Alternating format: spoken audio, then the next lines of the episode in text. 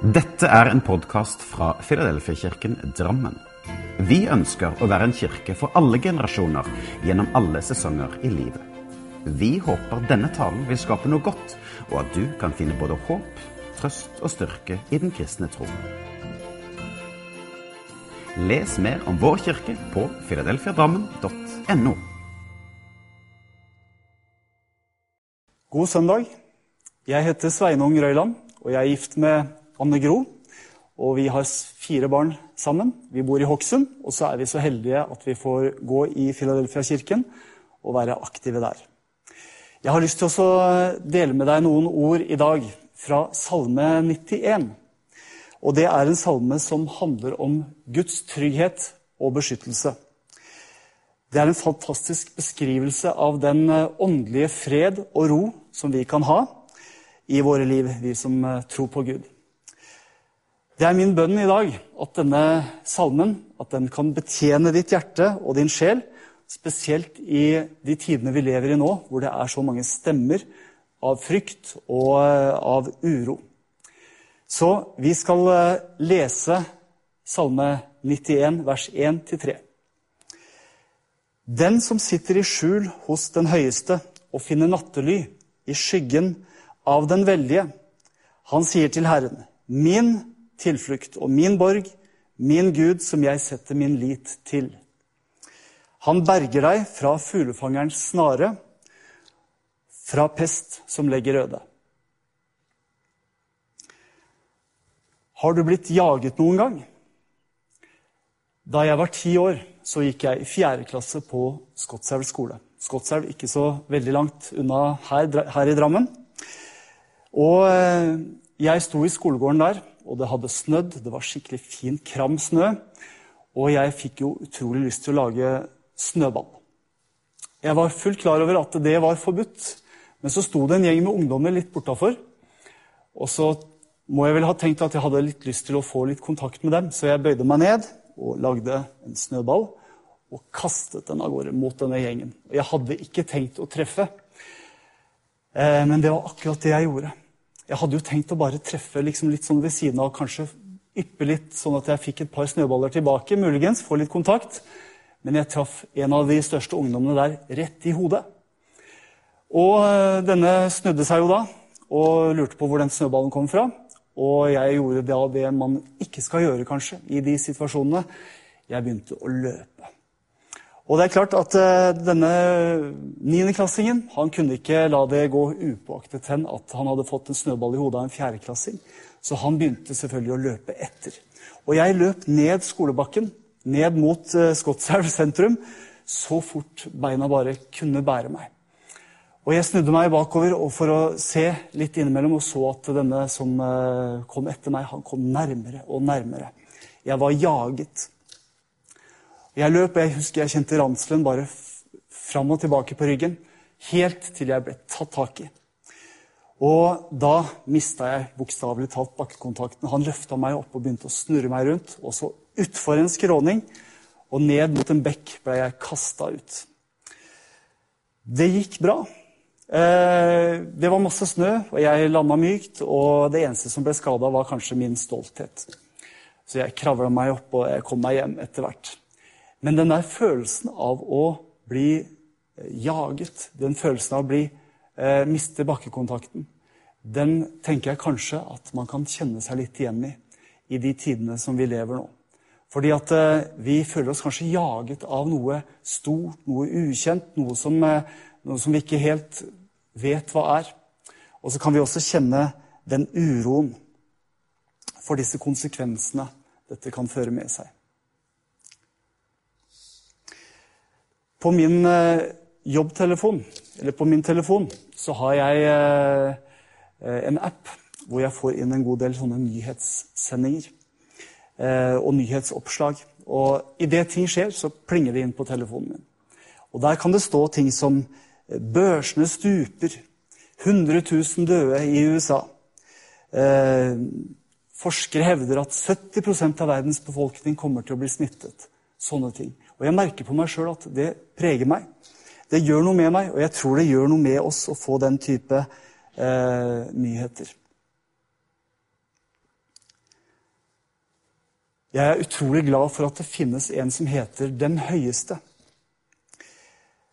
Den høyeste, han har ingen andre over seg.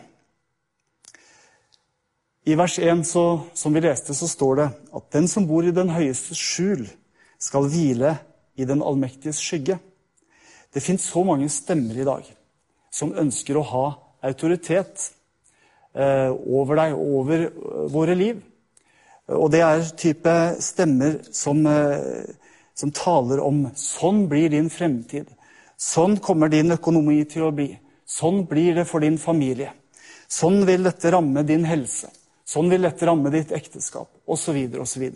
Og ofte så er det sånne type eh, frykt, bilder av frykt og worst case scenario. Det finnes en som heter Den høyeste, og det er jeg utrolig glad for. La det være han som har autoriteten i ditt liv. La det være han som taler inn i ditt liv, og som kan eh, lede deg og meg framover i vanskelige tider. I denne type vanskelige tider som vi opplever nå.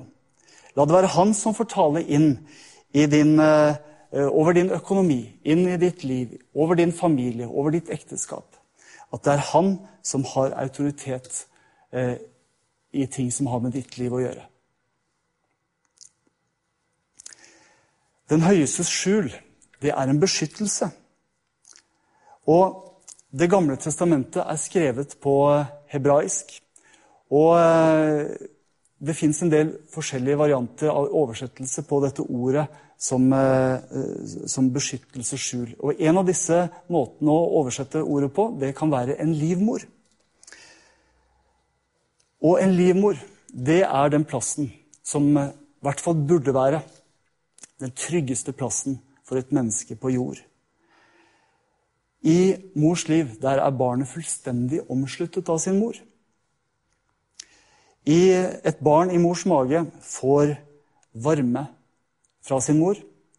Et barn i mors mage får næring fra moren sin. Og barnet får også en beskyttelse fra høye, skarpe lyder utenfra. Eh, disse skarpe lydene utenfra de blir dempet for barnet som ligger i mors liv. Barnet kan høre lyder utenfra, men de blir dempet. Den lyden som dominerer i mors liv, det er mors hjerteslag. Og det er hjerteslag av trygghet, beskyttelse. Eh, jeg omslutter deg, jeg omgir deg. Alt blir bra. Kanskje dere har sett disse regnbuene som en del barn tegner som de henger opp overalt, hvor det står 'alt blir bra'. Og det er liksom dette mors hjerteslag som sier til barnet sitt at alt blir bra. Det er det den høyestes beskyttelse handler om. At vi får hente åndelig varme eh, fra Gud. Akkurat som barn i mors liv får varme, så kan vi hente åndelig varme i Guds nærhet og i Guds beskyttelse. Vi kan hente næring fra Guds ord, vi kan hente næring fra Den hellige ånd. Og ikke minst så får vi den beskyttelsen eh, i Gud i den høyestes skjul, så får vi denne beskyttelsen, og vi får dempende, denne dempende effekten mot alle skarpe lyder og alle larm og, og, og advarende utsagn. Det dempes i Guds nærhet. Jeg syns det er utrolig fint, fint, å tenke på det sånn.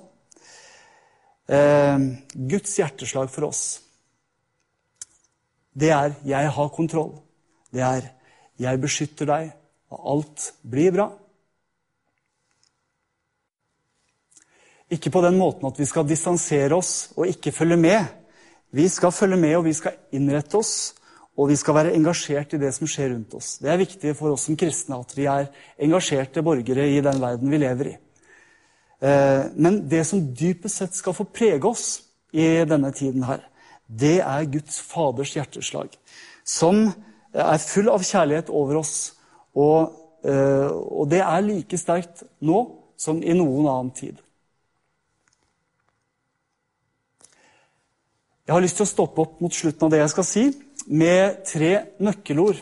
Og det er eh, tre nøkkelord fra vers 1 og 2. Vi kan godt kalle det de tre s-ene. Det er ordene sitte, søke nattely og si. Sitte det kan vi snakke om i, nå. Altså sitte i den høyestes skjul.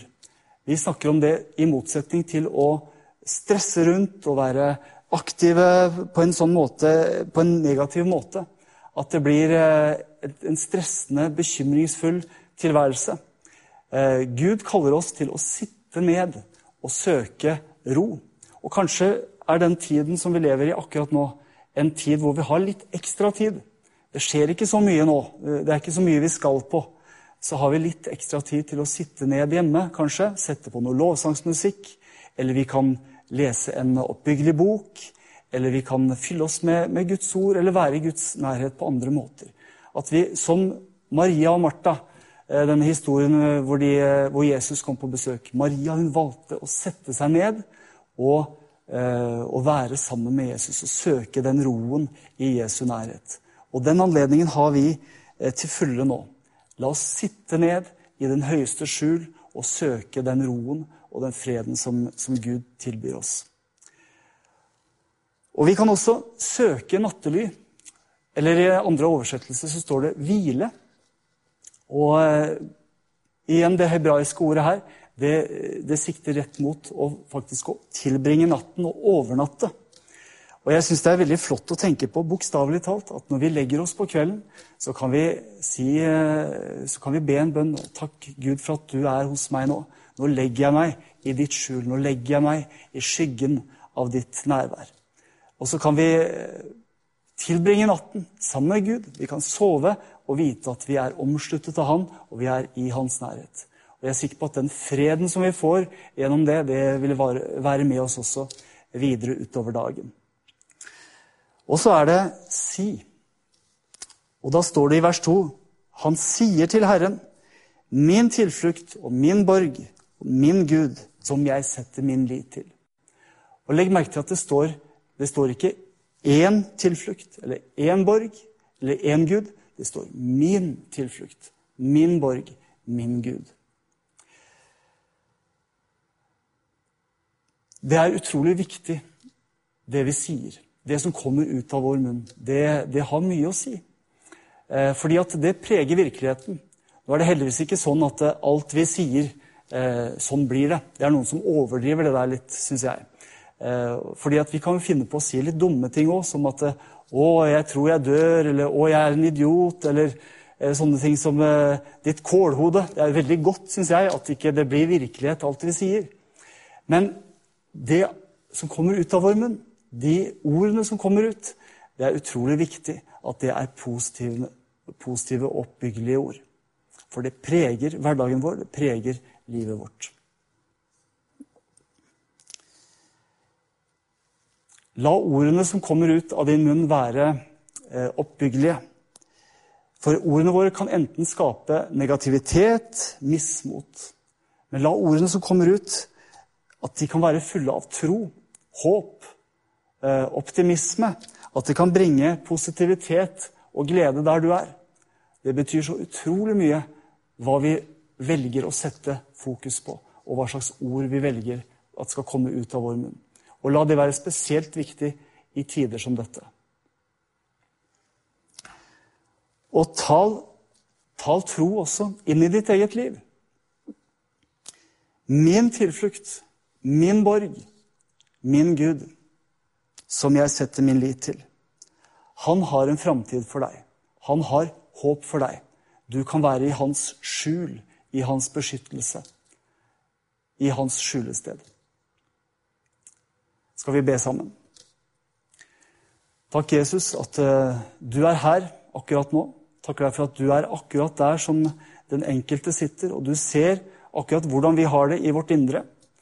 Du ser vår uro, kanskje. Du ser eh, den følelsen av å kanskje bli jaget og miste bakkekontakten. Eh, og Herre, takker deg for at du har noe å tilby oss. Du har ditt skjul, din beskyttelse, og hvile under din skygge. Og Herre, jeg ber om at vi skal få se det på en helt ny måte. At vi kan ta det imot, at vi kan ta imot ditt ord denne formiddagen her på en sånn måte at det blir virkelighet, og at det blir til forandring i våre liv. Takker deg for ditt håp og takker deg for den tro som du gir i våre hjerter. Og så ber jeg deg samtidig for den verden vi lever i. Jeg takker deg for at du har kontrollen, Herre. I Jesu navn. Amen.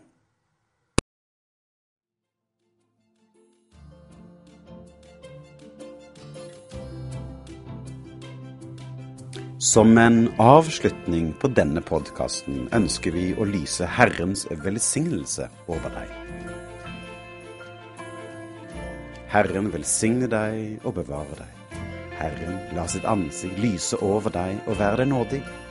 Herren løfte sitt åsyn på deg og gi deg fred.